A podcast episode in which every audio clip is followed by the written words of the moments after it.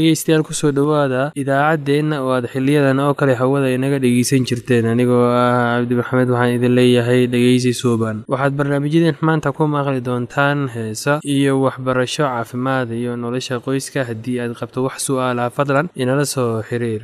Ciwaankeenna waa radio somaly at yahu dt com. Mar labaad ciwaankeenna waa radio somaly at yahu dt com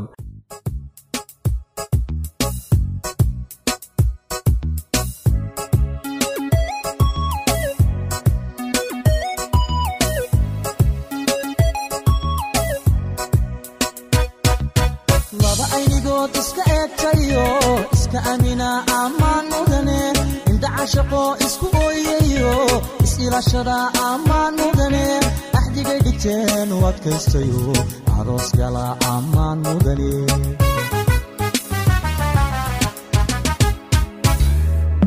lamana indoora jacaylka adkeey kalsooni abuura ammaan mudane ahay nasiibku intuu u ekaade aroos gala ammaan mudane ubax ordino isxaashaqayba allaylehe ammaan mudane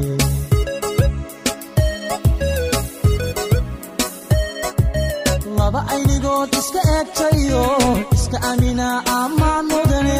Indhaca shaqo isku ooyayo is-ilashada ammaan mudane.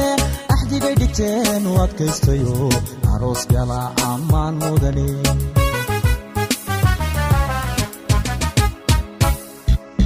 Lamana indoora jacaylka adkeey kalsooni abuura ammaan mudane ahay nasiibku intuu u ekaaday aroos gala ammaan mudane ubax ordino isxaashaqayba allaylehe ammaan mudane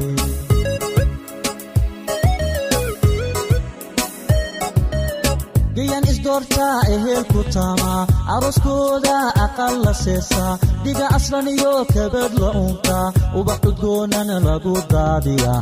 Allaylehe ammaan waad istaa heshaa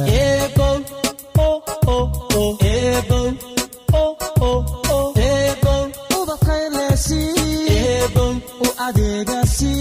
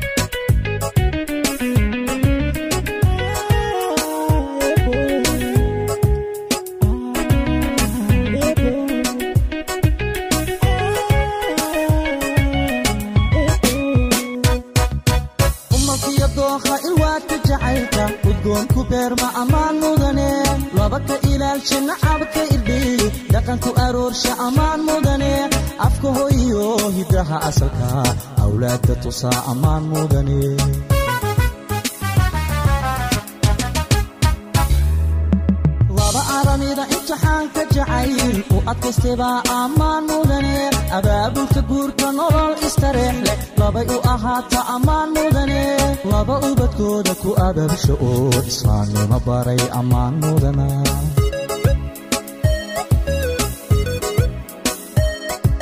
Malkiyo dookha ilwaadka jacaylka udgoonku beerma ammaan mudane laba ka ilaalsha nacabka irdhiy dhaqanku aroorsha ammaan mudane afka hoyo hiddaha asalka awlaadda tusaa ammaan mudane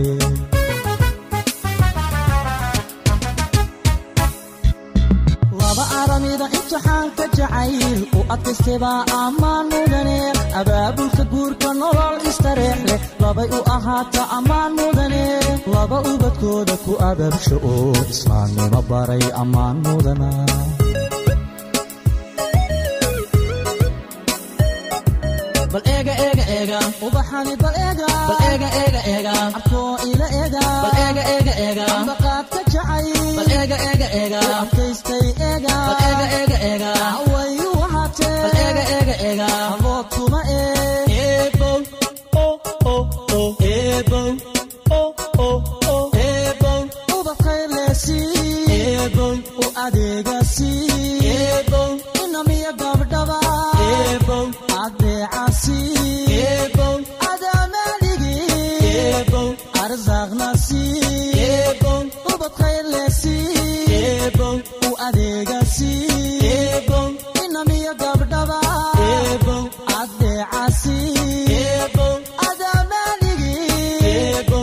eebow arsaaqnasi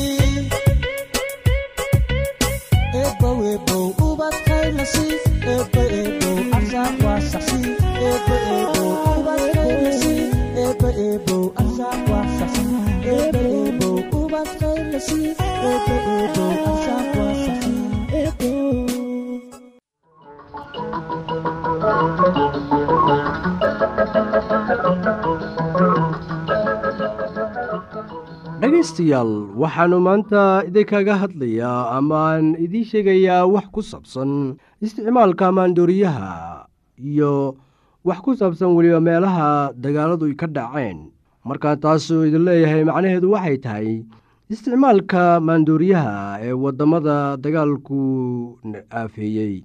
Waxaynu la soconaa soomaaliya inay ka mid tahay waddan ka mid ah waddamada ay ka dhaceen dagaal eheleydka dagaaladaas oo dhibaato u geystay waddanka. Waxaynu la soconnaa in waddanku si xun dagaalka ugu bilowday. Markaaynu ka soo bilaabno kun sagaal boqol iyo siddeetan iyo siddeeddii iyagoo dagaaladu ay ka dhaceen dhulalka waqooyi galbeed. Waxaanu la soconaa in dagaaladaasi ay ku soo fideen dhanka koonfureed iyadoo markaasi kun sagaal boqol iyo sagaashan iyo kowdii dowladdii siyaad bare ay dhacday taasi waxa ay keentay in waddanku noqdo waddan aanan lahayn xukuumad ama dowlad u talisa. Waxa ay waddanku noqday mid u kala burburaa muxuu ahayn jabhado kala duwan oo ku salaysan qabiilo. Taasi waxay dhalisay in ilaa iyo wakhtigan hadda aynu joogno soomaaliya toddoba sannadood in aysan ka dhalan wax dowlad ah. Haddaba inta muddada u dhexaysay ee dowlad la'aanta ah soomaaliya maxaa ka dhacay? Waxaa ka dhacay waxyaabo aada u foolxun oo ah dil dhac iyo dhibaatooyin kaloo fara badan. Haddaba maandooriyuhu waxauu noqday mid lambar kow ah ama booska koowaad ku jira marka la fiiriyo dhibaatooyinka waaweyn ee muxuu ahayn ee soomaaliya maanta haysta waxaanu la soconaa maandooriyihii inuu noqday mid faraha ka baxay ee aysan jirin dowlad ama booliis markaasi kontaroola oo ilaaliya waddankeena xuduudaha etoobiya kenya iyo jabuuti ayaa wuxuu noqday mid u furan isla markaasnu ay ka soo geli karaan wax walba. Waxaynu la soconnaa in waddanka meelo fara badan lagu beeray muxuu ahayn xashiishka sida gobollada jubbooyinka iyo weliba jubbada dhexe siba muxuu ahayn iyo shabeellooyinka laftirkooda iyo shabeellada dhexe. Intaas waxaynu la soconnaa in xad fara badan oo ah muxuu muxuu ahayn xashiishka in lagu beeray muxuu ahayn dhulalkeena meelaha qaarkooda.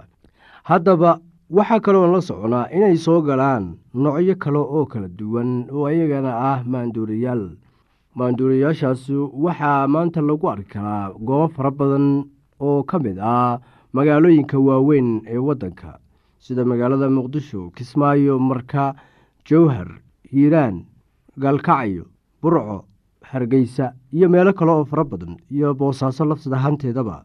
Waxaanu la soconaa in magaalooyinkaasi waaweyn ay dhallinyaro fara badan ay maanta isticmaalayaan maandooriyaasha noocyadooda kala duwan iyaga oo markaasi waddooyinka la maraya si xishood daro ahna u isticmaalaya. Waxaad arkaysaa in maanta sida yaanyadii oo kale loo gado muxuu ahayn maandooriyaha culus ee marajawaanaha layidhaahdo afka afka soomaaligan lagu yidhaahdo muxuu ahayn xashiishka. Taasi ayaa waxa ay keentay in dhallinyaro aada u fara badan iyo weliba rag kaloo aada u fara badan iyo dumarba in ay markaasi isticmaaleen xad aada u fara badan oo ah maandooriyaha maandooriyuhu wuxuu waddan ku dhaliyey dhibaato aada iyo aada u culus. Waxaynu arkaynaa in maandooriyaha ay muxuu ahayn ku dhalisay dhallinyaradu inaysan baqin isla markaasna ay qoryaha qaataan. Marka qofku maandooriyuhu u qaato wuxuu noqdaa mid isnaca oo is-ilaawa isla markaasna qofka kale ka soo horjeeda uusan u arag xataa bini aadam isagoo kale ah. Waxa uu qofku markaasi si fudud uu markaasi u galaa dembiyo aada u fara badan dembiyaha faraha badan ee ka dhaca waddanka maanta waxaa sal u ah isticmaalka maandooriyaha. Haddaba maandooryuhu waxa uu yahay cudur maanta waddankayaga ku fidaya ee loo baahan yahay in laga hortago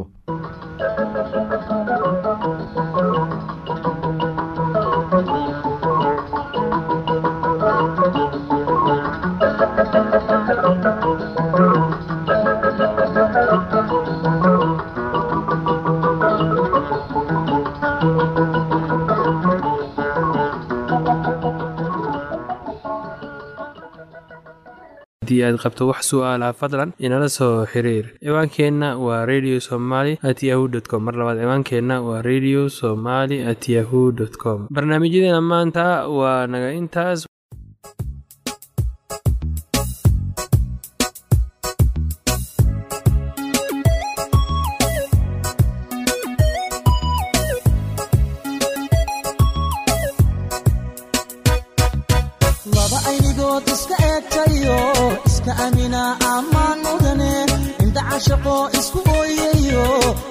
is-ilashada ammaan mudane axdigay dhigteen u adkaystayo aroos gala ammaan mudane.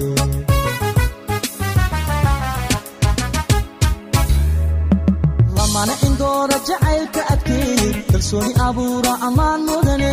Ahay nasiibku intuu u ekaade aroos gala ammaan mudane. Ubax ordino isxaashaqayba allaylehe ammaan mudane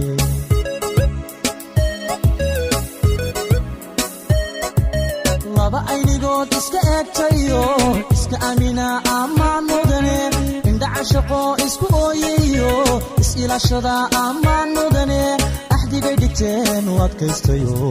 Aroos gala ammaan mudane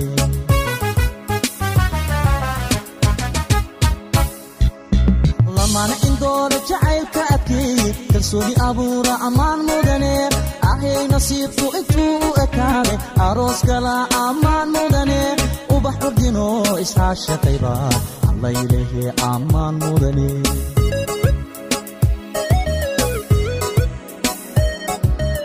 gayan isdoortaa ehelku taamaa arooskooda aqal la seesaa dhiga aslan iyo kabad la unkaa ubax cudgoonana lagu daadiyaa allaylehe ammaan waad istaahishaa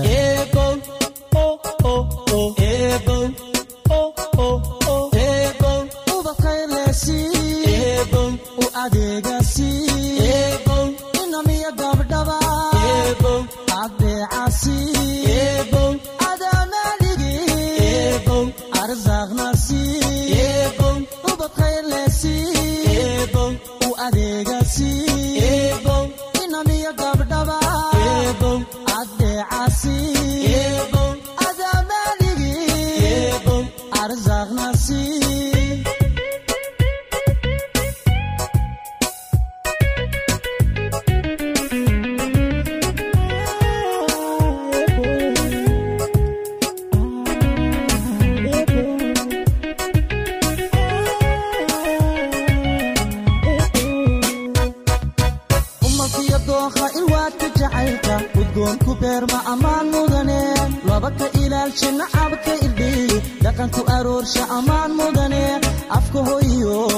hiddaha asalka awlaadda tusaa ammaan mudane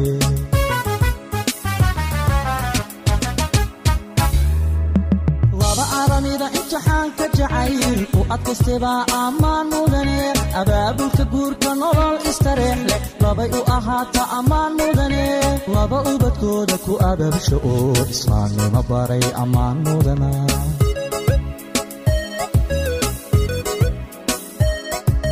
malkiyo dookha ilwaadka jacaylka udgoonku beerma ammaan mudane. Laba ka ilaalsha nacabka irdhiy dhaqanku aroorsha ammaan mudane. Afka hoyiyo hiddaha asalka awlaadda tusaa ammaan mudane.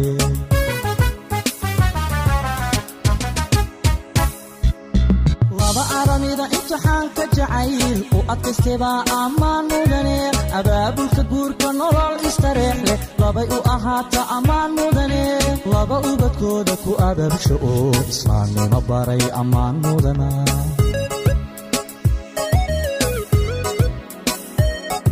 bal eega eega eega ubaxani bal eega bal eega eega eega abkoo ila eega bal eega eega eega ambaqaadka jacay bal eega eega eega adkaystay eega bal eega eega eega wayu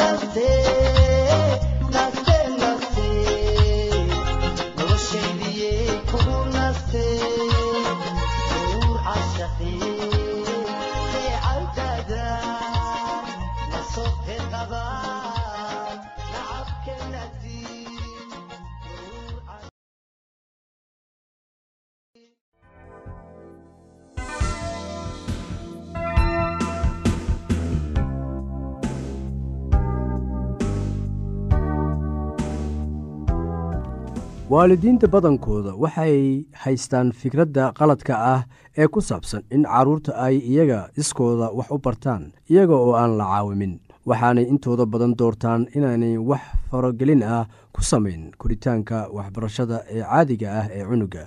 Waalidiinta qaarna waxay doonayaan inay carruurtooda ka caawiyaan sidii ay wax u baran lahaayeen laakiin ma garanayaan habkii ay u caawimi lahaayeen.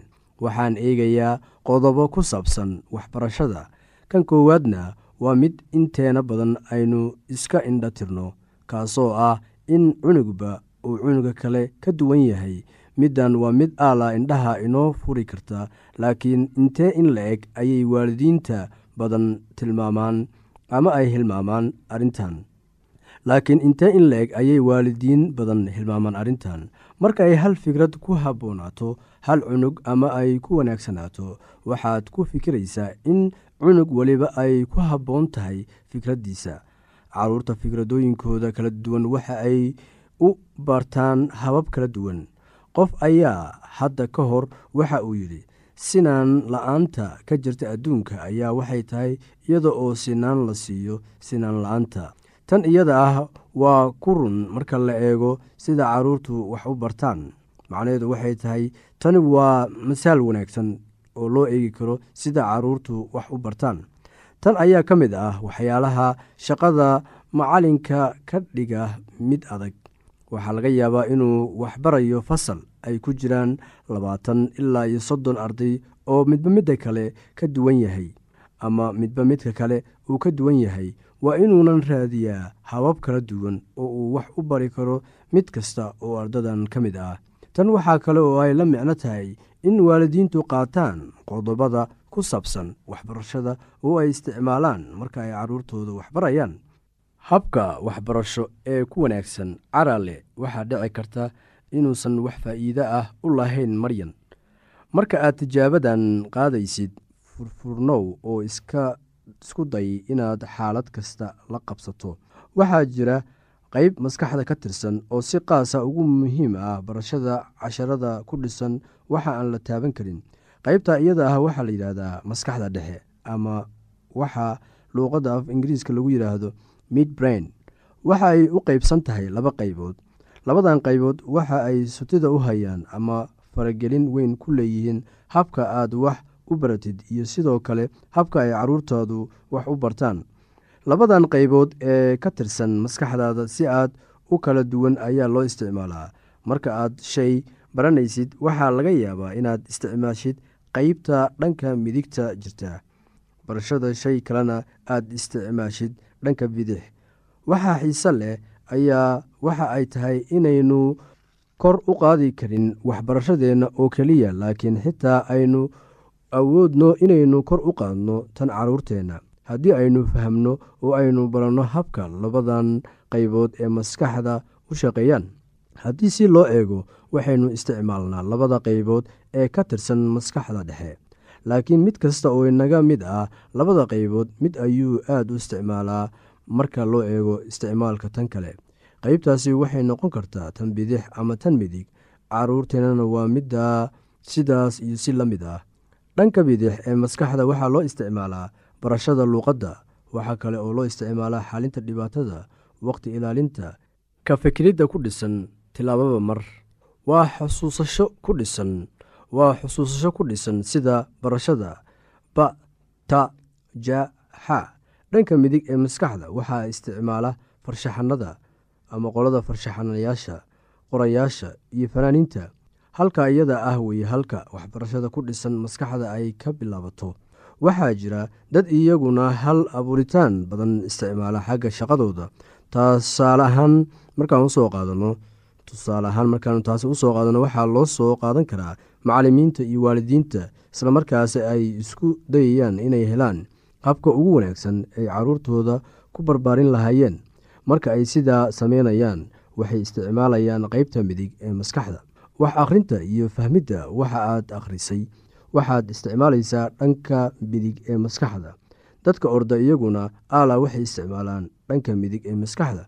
Waxay ku fiican yihiin tartanka ordada laakiin markay timaado xagga waxbarashada fasalka khaasatan luuqadda aad ayay ugu liitaan. Ragga inta badan waxay isticmaalaan dhanka midig ee maskaxda haweenkana dhanka bidix. Sababta iyada ah weeye sababta ay ragga uga horumarsan yihiin haweenka oo aad ragga uga helaysid guddoomiyaal bangi kuwaasoo inta badan ku howlan qorshooyinka culculus iyo qorshooyinka dhaadheer ee loogu talagalay inay shaqeeyaan sanooyin. Laakiin waxyaalo badan ayay tilmaamaan. Waxay wax u eegaan sida isha shimbirta wax u eegto. Naagahana marka sida kale loo fiiriyo waxay nolosha u eegaan tallaababa tallaabo. Waxay si habboon u xamilaan hawsha ku dhisan maalinba maalinta kale taasoo sal u ah howlihii loo qorsheeyey sanadka oo dhan sababta iyada ah weeye sababta ay haweenku u noqdaan xoghayeen wanaagsan waa sababta aad u aragtid haween badan oo macalimiin ah. Ninka uma dulqaadan karo dhibaatada carruurta iyo danayntooda. Haddaba sidee baad u isticmaali kartaa waxyaalahan aad baratay oo dhan? Islamarkaasi aad qorsheynaysid sidii aad carruurtaada ugu caawimi lahayd waxbarashada. Marka hore waxaad isku daydaa inaad ogaatid in cunugaagu isticmaalo qaybta midigta ee maskaxda